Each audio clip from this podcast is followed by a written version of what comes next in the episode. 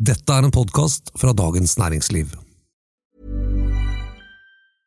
Selling a little or a lot? Shopify helps you do your thing however you cha-ching. Shopify is the global commerce platform that helps you sell at every stage of your business. From the launch your online shop stage to the first real life store stage, all the way to the did we just hit a million orders stage.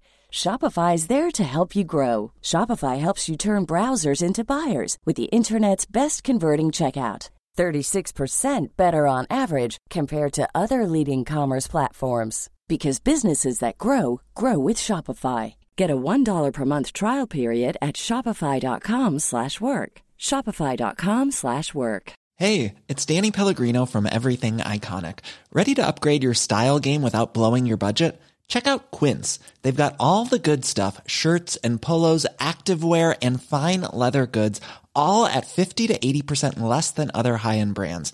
And the best part? They're all about safe, ethical, and responsible manufacturing. Get that luxury vibe without the luxury price tag. Hit up quince.com slash upgrade for free shipping and 365-day returns on your next order. That's quince.com slash upgrade.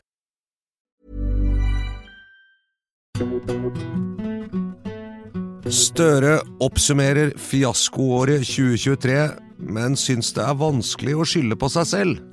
Og heller ikke Senterpartiet glimrer med noen ærlig og usminket selvevaluering. Dette er den politiske situasjonen. En podkast fra Dagens Næringsliv om politikk med politisk redaktør Fridtjof Jacobsen og meg, kommentator Eva Grinde.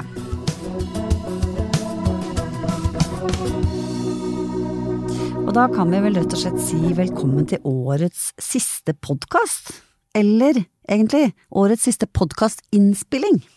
Ja, fordi eh, det blir også podkast i romjulen. Den er allerede spilt inn, der skal vi se både bakover og fremover sammen med Bernt Årdal, en av Norges fremste valgforskere gjennom tidene. Den er altså allerede spilt inn, men vi anbefaler den. Det gjør vi. Den er både gøy og interessant, om vi må få si det selv, altså. Men det er neste uke. Ja. Eh, aller først nå eh, en liten analyse av regjeringens evne til å ta sjølkritikk, som det heter. Eh, vet du hva ytre og indre kontrollplassering er, Fridtjof? Nei, det vet jeg ikke. Nei, det er et ø, psykologisk uh, begrep, og det handler om liksom tendensen man har som person til å forklare ø, uheldigheter eller dårlige sider ved seg selv, for eksempel, ved, ved ytre faktorer eller ved indre faktorer. Altså sånn, om man får veldig følelse av samvittighet, shit, jeg må skjerpe meg, for det er, liksom, det er no, du merker forskjell på folk om de har den ene hangen eller den andre. Eh, og jobbsammenheng for eksempel, så er det jo noe man ofte ser etter folk som i hvert fall har en viss grad av indre kontrollplassering, da, fordi da er det større sjanse for at, eh, at, at, de kan forandre seg, at man kan appellere til dem stedet, ja, og så videre. Og det bringer oss jo over på dagens tema, eller hva? Ja, jeg, jeg, tror jeg skjønner litt hvor du vil. ja. eh, statsminister Jonas Gahr Støre oppsummerte halvåret på sin tradisjonelle får man si, julepressekonferanse. Der var ikke vi. Det var ikke. Eh, det er lenge siden vi ikke har vært der. Vi hadde andre ting fore den dagen. Ja, vi hadde faktisk et avdelingsseminar eh, som var planlagt før han inviterte, så vi, vi, beklager det at vi ikke var der, men vi har eh, vi har eh, snakket med folk som har vært der, og vi har jo da lest oss opp og fått med oss hva som ble sagt. ja. ja så det skal sies. I de store linjer. Så hva, hva, Fritjof, hva er hovedinntrykket du, du, sitter igjen med, med liksom beskjeden fra Jonas Gahr Støre, vår statsminister? Nei, det første som slår meg er jo at eh, det som er oppgaven eh, nå blir jo veldig mye å snakke om eh, hvorfor går det så dårlig med Arbeiderpartiet. Eh, og hvorfor går det så dårlig med regjeringen hos velgerne. Og Det er viktig at det er velgerne, altså det er mange ting som går bra for denne regjeringen. Eh, for eksempel så får den jo gjennom alle sine saker i Stortinget stort sett, uten noe særlig problemer. Eh, budsjettsamarbeidet med SV eh, går eh, mm. greit. Det er liksom lite dramatikk rundt det. Ja, I hvert fall det siste nå har jo, jo gått skikkelig smooth. Ja, altså, altså, forhandlingene med SV har jo gått også veldig greit stort sett i alle budsjettene, også i revidert og sånn. så så, de, så, så, den parlamentariske situasjonen er ganske god for dem. Regjeringsarbeidet går gjennom, de får gjennom saker osv. Og, så og Eh, og de har også klart å komme seg gjennom noen vanskelige sånne saker som eh, ikke sant, noe reversering opp av Viken, oppsplitting av fylkeskommuner osv., som nå er lagt bak dem. Eh, så mye går greit, og det virker jo også som forholdene internt i regjeringen er relativt harmoniske. Men de sliter jo veldig med velgerne og omgivelsene, og det er jo det han må bli spurt om hele tiden. Hvorfor går det så dårlig? Det er liksom, det er det, og det er jo ikke noe morsomt utgangspunkt for en oppsummerende pressekonferanse. De er skikkelig på hæla hele tiden, ikke sant. Det, det, det, det tar jo aldri slutt, eh, spørsmålene der de eh, på en måte må forklare hvorfor, hvorfor, det, hvorfor det, ikke går veien. Og jeg, jeg tenker at um, at det var to sånne ting som sto litt igjen fra den halvtårsoppsummeringen. Og, og det ene, det var, det var, at Jonas Gahr Støre nå sa at økonomien er ved et vendepunkt. Mm. Ikke sant? 2024 kommer til å bli bedre. Han sa selvfølgelig ikke jeg garanterer, men han gikk ganske så langt, og kanskje litt vel langt, i å, i å si at, at, lommebokproblemene blir litt mindre til neste år, ikke sant. Og samtidig så sier han jo også at eh, hovedårsaken til at regjeringen og Arbeiderpartiet sliter, er ytre faktorer som eh, økonomien. Ikke sant? Sånn at jeg, jeg syns liksom det ser litt ut som at eh, ok, nå har han liksom på en måte Han gambler på at det stemmer, for det er jo veldig mange tegn i økonomien som viser at det er i ferd med å snu, og da skal han jammen meg ha med seg oppturen for det også. Egentlig så har han jo ikke noe særlig innflytelse verken på nedturen eller oppturen. Eller hva? Ikke sant? Så det er ganske risky. Nei, han, han eh, dette er jo vanskelig, han kan selvfølgelig gjøre vondt verre hvis, hvis regjeringen hadde brukt ufattelig mye penger eller sendt veldig store stimulanser inn i norsk næringsliv, så ville jo trykket i økonomien økt, og det ville jo da forsterket prisstigning og inflasjon og knapphet på arbeidskraft og sånn. Eh, men det gjør han jo ikke. Men han bruker jo heller ikke så lite at det har noe sånn voldsom innstrammende effekt, så, bidraget der er jo litt omvurdert. Men det, nei, jeg er enig, det, og her er vi jo inne på dette med ytre kontrollplassering, da, hvis jeg forsto din eh, eller din korte kurs i det riktig. Uh, dette kjenner jeg Hvis jeg skal jobbintervjue noen, uh, så skal jeg være veldig opptatt av indre og ytre kontrollplassering. og gjerne ha litt hjelp til det, om hvordan man avdekker det. Uh, men det er jo interessant at, at analysen i Arbeiderpartiet etter dette historiske nederlaget nå synes å være ganske omforent. der at It's the economy, stupid. Mm. Vi kan ikke gjøre noe med det. Men det betyr også at hvis det snur, slik som Norges Bank kanskje sier at det blir tungt 2024, men når det året begynner å gå ut, da skal vi kanskje begynne å få renta nedover og ha ting under kontroll. Eh, så skal oppturen da komme inn mot valget i 2025, for da får folk litt bedre råd igjen.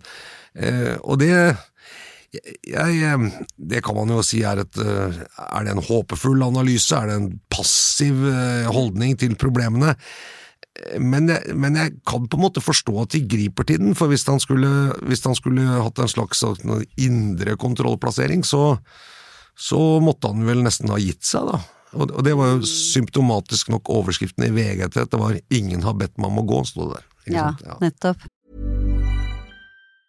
Hey, it's Danny Pellegrino from Everything Iconic. Ready to upgrade your style game without blowing your budget? Check out Quince. They've got all the good stuff shirts and polos, activewear, and fine leather goods, all at 50 to 80% less than other high end brands. And the best part? They're all about safe, ethical, and responsible manufacturing. Get that luxury vibe without the luxury price tag. Hit up quince.com slash upgrade for free shipping and 365 day returns on your next order. That's quince.com slash upgrade.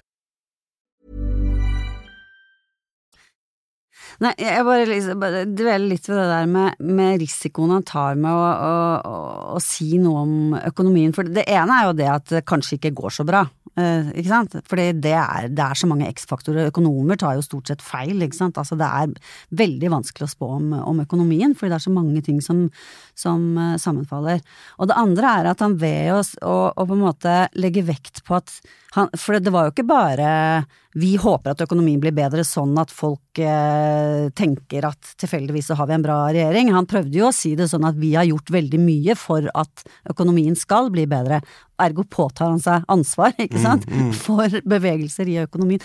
Og ved ved å gjøre det, så, så, har han jo på en måte indirekte tatt ansvar for nedturen i økonomien også, da, eller at man kan ikke bare si at liksom det det er, det er forferdelig uheldig med disse negative økonomiske effektene, men, eh, men hvis, de, hvis, de, hvis vi får det på rett kjøl igjen, så er det vår fortjeneste. Ja, ja.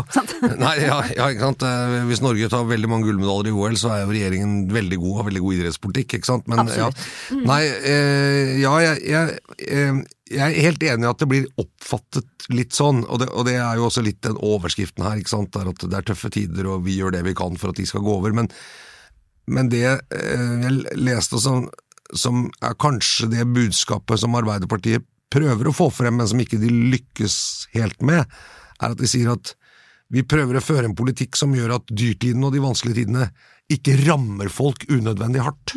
Vi, vi kan ikke så gjøre som noe med været, på, for å si det på den måten, men vi kan eh, med det økonomiske uværet, men vi kan sørge for at ikke liksom, det tar knekken på folk og bedrifter og arbeidsliv, og, og at folk havner i nød og sånn. Og dette går jo inn i den debatten om matkøer og, og sosialstønad og sånn, om folk blir rammet som hele tiden kommer fra, fra Rødt og, og SV. Eh, og det kan selvfølgelig regjeringen gjøre noe med, og det har den også gjort noe med, med gjennom strømstøtten eksempel, som tar av litt av dette voldsomme prissjokket for husholdningene, ikke for bedriftene da. Eh, men, han- de får ikke noe særlig gevinst på det, ikke sant? Nei, og, og, og, og han gikk jo på en måte et stykke, og, og Vestre har gjort det også, altså sånn på en måte nå er rentetoppen, og han snak, de, de, påtar seg på en måte et slags eh, ansvar for, eh, for, eh, for makroøkonomien her, som, som, som går litt langt, da. Ja. Men, men, og jeg er enig i at, at det, det er ikke At de kanskje kunne fått fram hvilken del av det som faktisk er under deres eh, makt å gjøre noe med, da. Ikke sant? Og hva de har gjort der og, og fått til der, og at det kanskje er, har vært vanskelig å få skikkelig fram. Men hvis vi skulle se på Hvis, hvis han skulle kjørt eh, mer sånn indre kontrollplassering, da, hva, hva ville Hva er forklaringene på Arbeiderpartiets og regjeringens problemer? Nei, det, det, er jo veldig komplisert, tror jeg. Og, og, og her er det jo veldig mange forskjellige analyser, og veldig mange av de er jo preget kanskje av, av folk med som har forskjellige står. politiske Ja. spåsteder og, og forskjellige politiske ambisjoner, ikke minst. Jeg, jeg tror, og det mener jeg er en ting som, som Men litt vi har ikke eh, ambisjoner, så vi kan Nei, det har vi, Se det nei, litt utenfra. Men, men, men en ting som er litt undervurdert, er jo hvordan Støre som regjeringssjef altså klarer å, å holde denne regjeringen ganske samlet, og at man klarer å løse det som er kre, veldig krevende politiske eh, eh, konflikter mellom Senterpartiet og Arbeiderpartiet. Eh, Ikke sant? For eksempel i disse reverseringstingene, og i dette Kristiansand kommune, Viken, alle disse tingene, så, så står han liksom med det han lover, og, og, og det virker sånn relativt harmonisk, da, selv om det knaker veldig i begge partiene. Eh, Og der, der gjør han jo tydeligvis en ganske god jobb med å holde en sånn indre harmoni. Og det andre var det jeg nevnte i begynnelsen, at også at partiet også han klarer å ha et ganske sånn avklart og ryddig forhold på Stortinget. Han har jo også dannet noen flertall med andre partier når det har vært nødvendig for for man kan kalle det sånn bred politikk. Så, så selve liksom dag-til-dag håndverket som regjeringssjef vil jeg jo si er relativt godt, og, og i utenrikspolitikken og Norges forhold til EU osv. lykkes han jo godt. Eh, Men i kommunikasjonen av prosjektet og kommunikasjonen til velgerne, så, så tror jeg det svikter mye mer. Så jeg, jeg tror mye ligger der, altså. Jeg, jeg lurer på om det er mer eh, reelt og mer eh, altså substansielt enn bare kommunikasjon. Jeg tror det er problematisk for Arbeiderpartiet og Senterpartiet å samarbeide om en del ting. Det er en del ting som, hvor konflikten går tvers gjennom regjeringen, og uansett hvor mye du kommuniserer, så får du ikke, liksom, blir du ikke kvitt det problemet, og at, at, og at det liksom forklarer noe av velgerflukten fra begge de partiene, da. Mm. At de må gjøre eh, For eksempel at Senterpartiet måtte hoppe tilbake på en god del, tross alt, av sine valgløfter. At Arbeiderpartiet kanskje eh, egentlig har et image som et, et parti som ser fremover og ikke bakover, ikke sant, mens de har måttet være med på reverseringsprosjekter fordi de har gått inn i dette ekteskapet med, med Senterpartiet. Det kan ha Det er ikke sikkert det er så populært blant Arbeiderpartiets velgere. Uh, og så det, det er jo vanskelig å kommunisere når man ikke kan si høyt hvordan ting egentlig er. Nei, Da er det jo alltid vanskelig. Nei, og det, det er vi- Hvis Støres på en måte image, eller Arbeiderpartiets image, er at det er noe som hele tiden løper etter folk og prøver å gjøre dem til lags, mm. så blir det krevende, for, at, for det første er det umulig. Folk blir jo aldri fornøyd, særlig ikke hvis, de, hvis du liksom begynner å bli lovet at de skal bli fornøyd, så, så kan man jo skape mye sånn forventningskriser som jeg tror er noe Senterpartiet for eksempel blir falt for at de har skapt enormt høye forventninger for at de skulle få til, og så, så var det ikke mulig. Eh, men det er nok det, det er nok også en sånn eh, Når de før valget i 2021 betonet veldig en sånn antisentraliseringsprofil, en veldig sånn todeling ikke nødvendigvis like store deler, men av liksom vanlige folk og da ikke-vanlige folk. ikke sant? By, land, inntekt, øh, forskjellige sånne ting stat, privat og sånn. Så, og så kommer da krisen, så kommer det veldig mange utfordringer, så rekker man ikke å utforme og liksom praktisere en politikk som er liksom det man forbinder med Arbeiderpartiet, nemlig at det er sånn det er sånn passe for, for, ganske mange. ikke sant? Mm. Det er kanskje ikke så spenstig og sånn, men det er i hvert fall ikke noe folk blir så sur for, og de, og de liksom prøver å holde seg sånn eh, at, ja, at liksom alle kan tenke ja ja, ikke sant, det går. Litt som Høyre er nå, tror jeg. Plass til veldig mange forskjellige grupper inn i det. Og som Arbeiderpartiet jo har lang historisk tradisjon for å være, ikke sant? Ja. Altså styringspartiet Arbeiderpartiet. Ja. Så, og noen sier at de blir presset til venstre, er liksom de sakene som, som går over med SV, Rødt-land, som de som de har måttet kjøre veldig fra motstand mot uh, private aktører i, i, i velferdsstaten f.eks., som Arbeiderpartiet egentlig har levd ganske greit med lenge, men som er blitt mer militant etter krav fra, fra mm. fagbevegelsen. Og SV. Og, og, SV Rødt selvfølgelig er opptatt av det. En distriktspolitikk som liksom blir veldig bias mot distrikt og litt lite by. Som byene har alltid vært viktig for Arbeiderpartiet, nesten alle partilederne deres, eller veldig mange i hvert fall. Gro Harlem Brundtland eh, og Einar Gerhardsen og, og, Jens Stoltenberg kommer fra, fra by, ikke sant? Mm.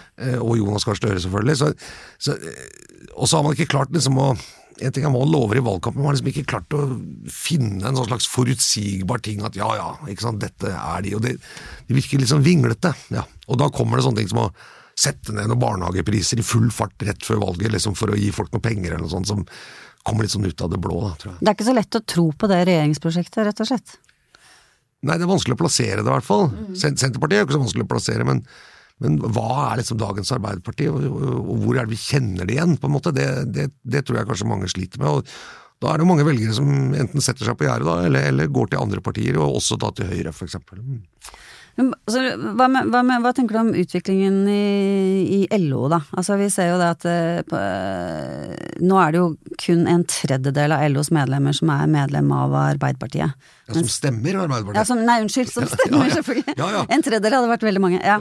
Um, og, og, Høyre og Fremskrittspartiet vokser, ikke sant. Og så har du vel, sånn som jeg har forstått det, et tillitsmannsapparat som kanskje har gått mer til venstre i, i LO. Så hva, hva, har det gjort med samarbeidet med, mellom Arbeiderpartiet og LO? Um... ja, det, det, virker jo ikke veldig fruktbart, da. Eller nei. Så sterke sammen. Uh, de, det virker jo som uh, de svekker Eller ja, LO styrker ikke Arbeiderpartiet, snarere tvert imot. Nei, og Arbeiderpartiet styrker kanskje ikke LOs ledelse heller. Altså, mm. La, la oss legge til grunn at LOs ledelse mener at en Arbeiderpartiledet regjering i en eller annen konstellasjon er, er, er, det beste for LO, og det har de vel i og for seg rett i. Eh, de ønsker jo å ha med SV, men, men eh, nå får jo SV påvirkning gjennom budsjett og sånn, og det, det, er jo ikke mulig i denne regjeringen. Men, men eh, det er kanskje det peker litt fremover, når de sier det hele tiden. Men da sant, ønsker seg skal ha en rød-grønn regjering med Arbeiderpartiet i spissen, for det gir jo LO mest muligheter til å ivare, mener medlemmenes interesser i særlig arbeidslivsspørsmål. Uh, og, uh, og, for Arbeiderpartiet sin del viktig at LO er nok fornøyd til at mange i LO stemmer Arbeiderpartiet og har det som førstevalg. Det, det er en, dette er jo hele grunnlaget på en måte for Arbeiderpartiets politiske dominans i etterkrigstiden. LO-medlemmene er grunnfjellet, på en måte. Ja, ja. De startet jo sammen, eller LO kom først, på en måte. Ja, og når bare, og når bare 30% av LOs medlemmer stemmer Arbeiderpartiet, så, så, tror jeg veldig mye av oppslutningssvikten ligger jo der. Og så er spørsmålet, ja, vinner de tilbake ved å snakke LO etter munnen? Eller, eller, hva er det, liksom? ikke sant? Og hvem i LO skal du høre på? Ja, ja altså du kan si noe av svaret ligger der. Samtidig så kan jo altså det, LO har nå en, bikka en million medlemmer, så det er klart at at stemme, eh, fordelingen av stemmer i LO vil jo også reflektere det generelle eh, befolkningen, ikke sant. Mm. Så hva kommer først? Det er jo heller ikke helt greit å si, da, men, men i hvert fall så er både LO og Arbeiderpartiet ganske, ja Eller sa, eh, ja, samrøret mellom LO og Arbeiderpartiet er svekket. Samrøret, ja. Ja, Samtidig så kan man nesten si at denne regjeringen har jo vært veldig lydhøre for LOs krav i mange saker. Vi husker Hadia Tajik som innfridde på en måte en helt smørbrødliste med krav fra LO veldig tidlig i regjeringsperioden. Hvorpå hun ble bedt om å gå? Ja, ja, ja da, eh, av de samme, men det var jo en historie for seg. Men, men, men det ser ikke ut til at det liksom er nok til å vekke gnisten. Så kan man jo kanskje se på at LOs sammensetning, som du sier, det er jo en million medlemmer, men, men det er jo sånn at hvis du har vært fagorganisert i LO i et visst antall år, en god del år, så er du livsvarig medlem, også når du er pensjonist. Så, så mange av denne millionen er folk som ikke Ja. lenger er i arbeid. Og, og så er det jo det som du pekte på i stad, at- de, de tillitsvalgte, altså de som møter på landsmøter, kongresser og, og har tillitsverv, er ofte mer radikale politisk. Det er mange fra Rødt, det er mange fra Nei til EU.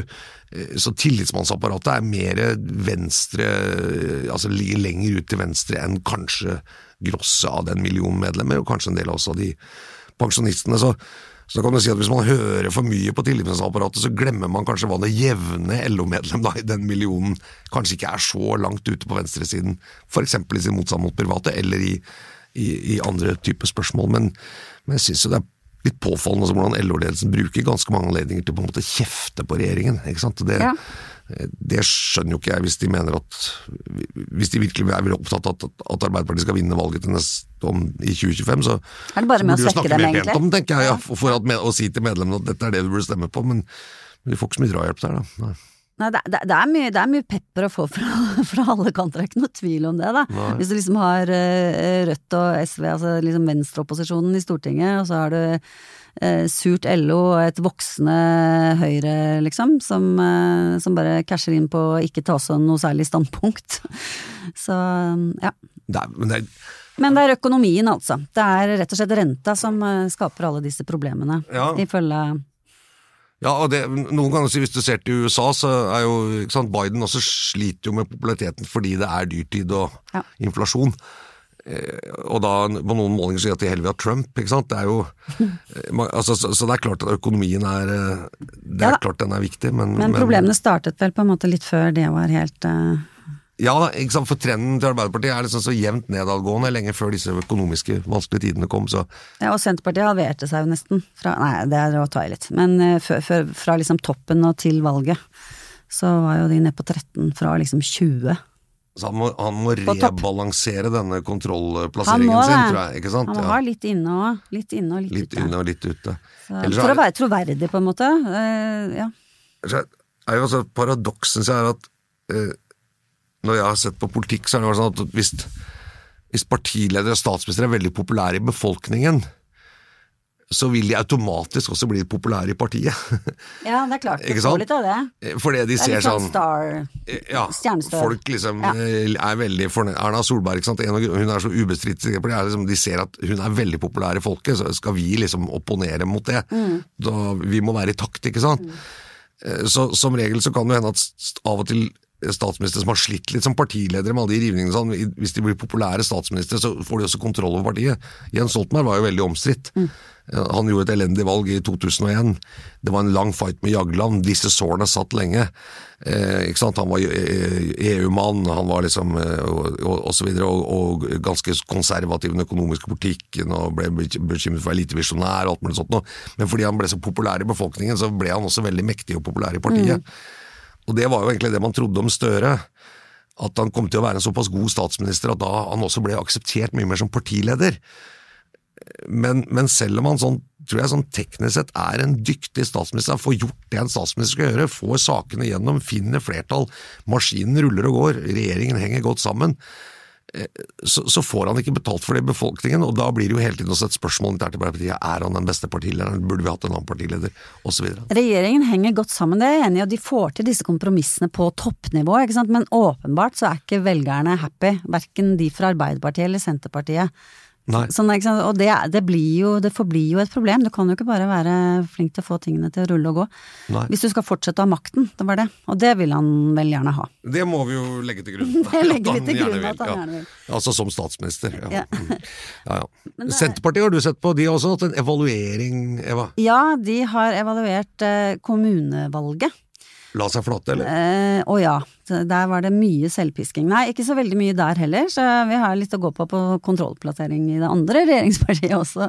Men, eh, men der, der eh, mistet jo Senterpartiet 43 ordførere, faktisk. Ganske mange, fra 130. Så um, det, det, må man jo si, må kunne si være et, et mannefall. Eh, da har de undersøkt ikke sant, og snakket med folk som stemmer, hvorfor stemte dere, og når bestemte dere, og hvorfor stemte dere ikke, og så videre, og så summerer opp, da. Og da er det liksom eh, Et av punktene er at det er mye vanskeligere å drive valgkamp når man sitter i posisjon. Eh, så det er, jo, det er jo en lærdom. Ikke sant. Det er sånn, ja, det kunne man vel forestille seg, særlig når opposisjons plattformen ble brukt som den ble brukt da, i 2021. Mm. ikke sant? At det, det, ble jo litt for lett, kanskje, å hoppe rundt og love det ene og det andre og det tredje. Så Senterpartiet hadde liksom den erfaringen for, fra to år siden, og så var det plutselig så ja, så satt de eh, og skulle ut og predike liksom partiets standpunkter med, et, med en helt annet eh, bakteppe, da. Um, og, det, og, og, så var det også eh, en sånn veldig forståelse for at eh, regjeringen Støre ikke har fått lov til å ha noen hvetebrødsdager, som det sto formulert. Altså det, det, liksom, det ble bare alvor fra dag én, med en masse kriser som kom rullende inn. Først liksom ja, den derre pandemiekstraomgangen som vi hadde, ikke sant, og så krig og økonomi og så videre. Og dermed så skygget alle de nasjonale sakene for de lokale sakene. Eh, det var, det var kanskje den, den, grunnen de trekker fram som aller størst til at det gikk såpass dårlig i valget, da. Eh, og så er det jo også sånn at Senterpartiet er jo helt klart størst i såkalt rurale kommuner. Det er sånn som man har delt. De minst befolkede kommunene. Jo mindre jo, jo, mindre kommune, jo større er Senterpartiet, på en måte. Mm. Og, der, og der, det sammenfaller også med at der er de mest opptatt av lokale saker, i forhold til f.eks. For i storbyer hvor velgerne tenker sånn 50-50 lokale, nasjonale saker, mens i de, på veldig små steder så er man mye mer opptatt av spesifikt lokale saker, da. Som, som, som da denne evalueringsgruppa mente drukna i uheldige nasjonale saker. Men det er jo litt merkelig, fordi i et kommunevalg og med så mange ordførere, så har du jo veldig mye mulighet til å snakke om lokale saker. Eh, virkelig, altså. Eh, Skulle tro det. Ja, det, det vil jeg tro. Eh, så, så liksom si at det Jeg skjønner ikke helt hvor at det kan skygge for Jeg får ikke det helt til å Nei, det blir vel ikke akkurat sånn detaljforklart heller Nei. hvorfor de gjorde det, men det, det, man kan tenke seg kanskje sånn, eller Det er jo Se for deg lokale politikere på stand, og så kommer det folk og velgere og, og begynner å spørre ut om ja, men hva med det og hva med det og ikke sant, hva med mm. lakseskatten, den skulle jo ikke settes opp, og hvordan Det er jo vårt parti som er i regjering, og så skjedde det likevel. Og, og, og en tredje sånn hovedsak de trekker fram, er jo Melkøya. Altså denne beslutningen om å elektrifisere Melkøya, ja. som jo var sånn helt på tvers av Senterpartiets eh, vedtak på landsmøtet, var det, var det mange som mente, i hvert fall. da. Ja. Eh, det, det, var kanskje litt sånn tolkning, akkurat det vedtaket. men men der, der, der, ble det jo skikkelig bråk helt lengst nord, altså i Finnmark.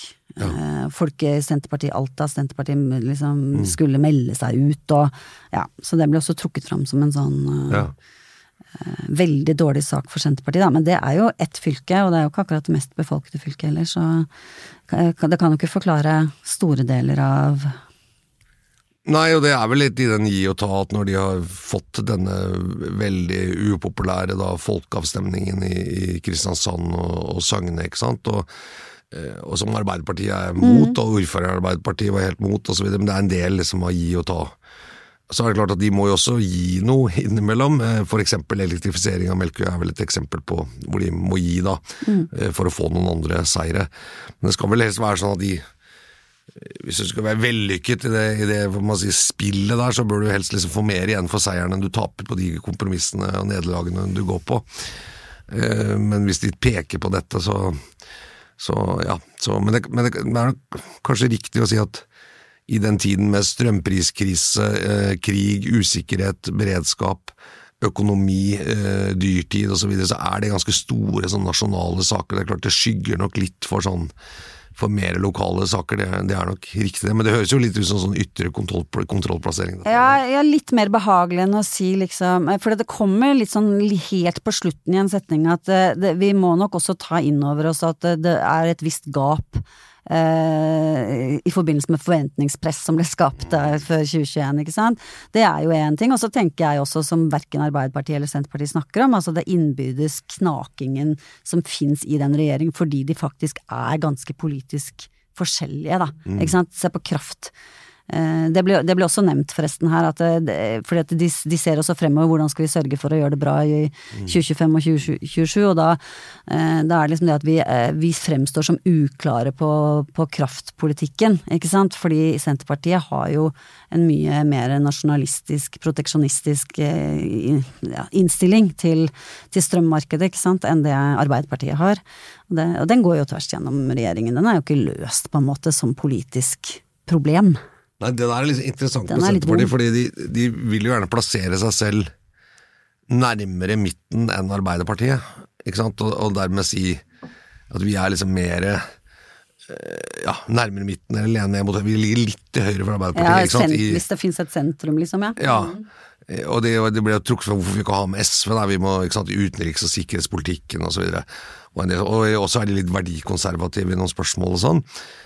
Men akkurat når det gjelder synet på Norges tilknytning til Europa, da gjennom kraftkabler og, og, og kraftutveksling og sånn, så de, ligger de jo veldig langt ute på venstresiden. Mm. Og i en del EU- og EØS-saker ligger de også veldig langt ute på venstresiden. Så det er sånn interessant hvordan det er litt schizofrent av og til, dette at vi er sånn vi fremstiller som Ola Borten Moe var veldig opptatt av, tidligere nestleder, at vi er et common sense-parti i midten. ikke sant? Mm. Eh, som gjør det som er fornuftig, og vi har liksom eh, fingrene i jorda og beina på bakken og får ting gjort og er fornuftig og sindig. og Bjørgulf Brånen i Klassekampen er jo den som har sagt sant, at det skulle være et parti som kunne spare på penger og gjøre ting billig og fornuftig. når de, når de sa vi skal bygge nytt campus i NTNU, men det skal ikke bli rådyrt, det skal være nøkternt osv. Det der er jo en sånn interessant, litt sånn konservativ, eh, no bullshit-posisjon som rimer med sentrum, men så er det andre steder hvor de som er så langt ute på venstresida. Jeg er helt enig, det er egentlig ganske interessant hvordan de greier å ha det imaget sammen med en ganske, vil mange si, irrasjonell distriktspolitikk, for eksempel, ikke sant, mm. og den nasjonalismen som appellerer jo mye mer til følelser og ikke sant. Mm. Altså det er veldig sånn sammensatt, det er et interessant parti sånn sett. Ja. Så men, men, ja, du har jo den eh, kraftpolitikken, og annet, eh, et annet tema som vel kommer til å plage regjeringen internt, er jo helse og sykehus, og ikke minst i Nord-Norge det også. Der, der, man jo også står på ganske forskjellige ja, plattformer.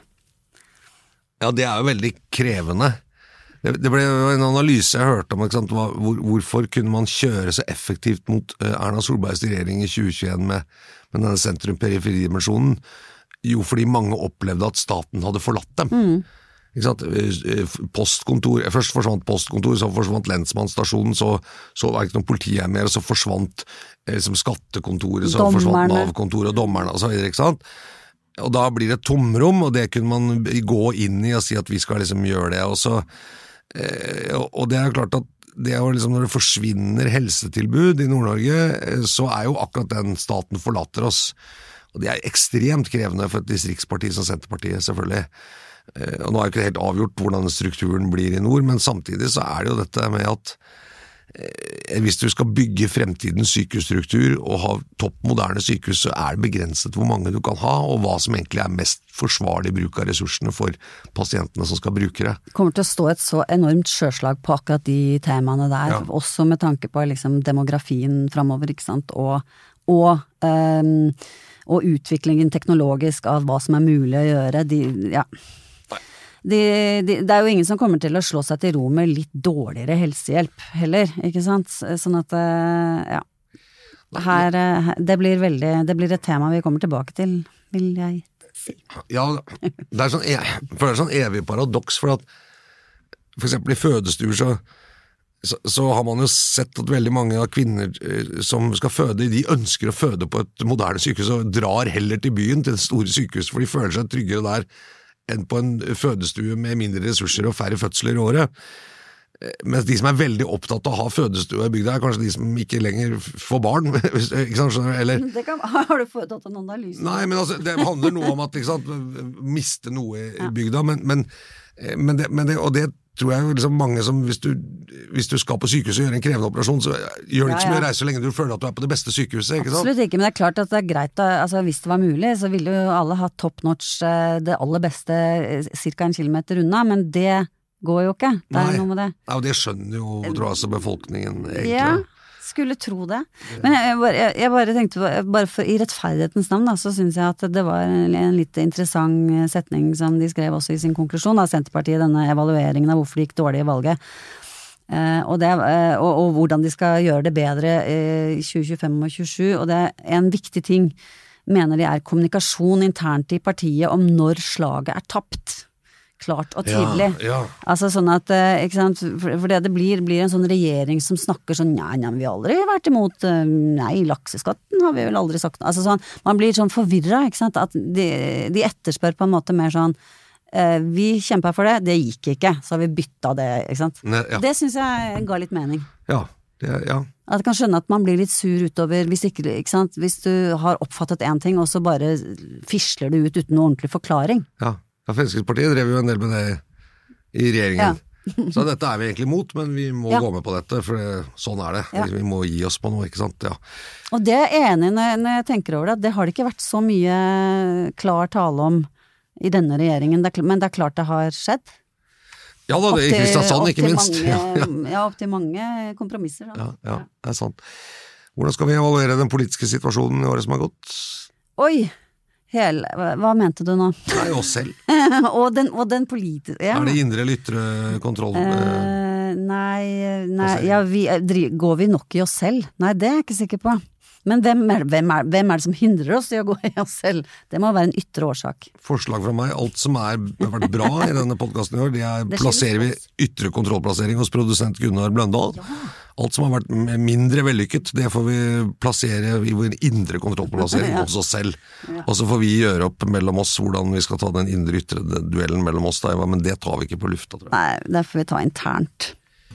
Vi ønsker alle våre lyttere den riktig god jul. Jeg håper du vil høre på vår spesialepisode med Bernt Årdal om de politiske trendene i året som gikk, og, og hvordan kanskje litt hva som kan vente oss til neste år og inn mot 2025. Eh, Det har vært et hyggelig år, syns jeg. Eh, Takk for det. Og, eh, da, ja, da sier vi en god jul, Det gjør vi. God jul. og vi høres igjen.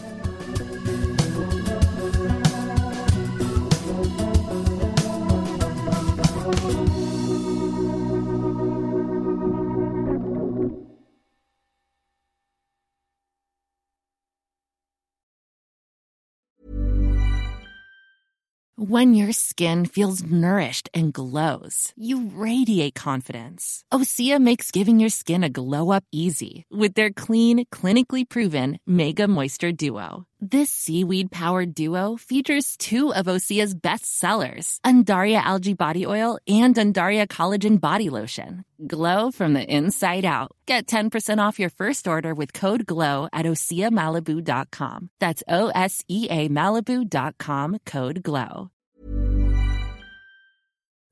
Du har nå hørt en podkast fra Dagens Næringsliv.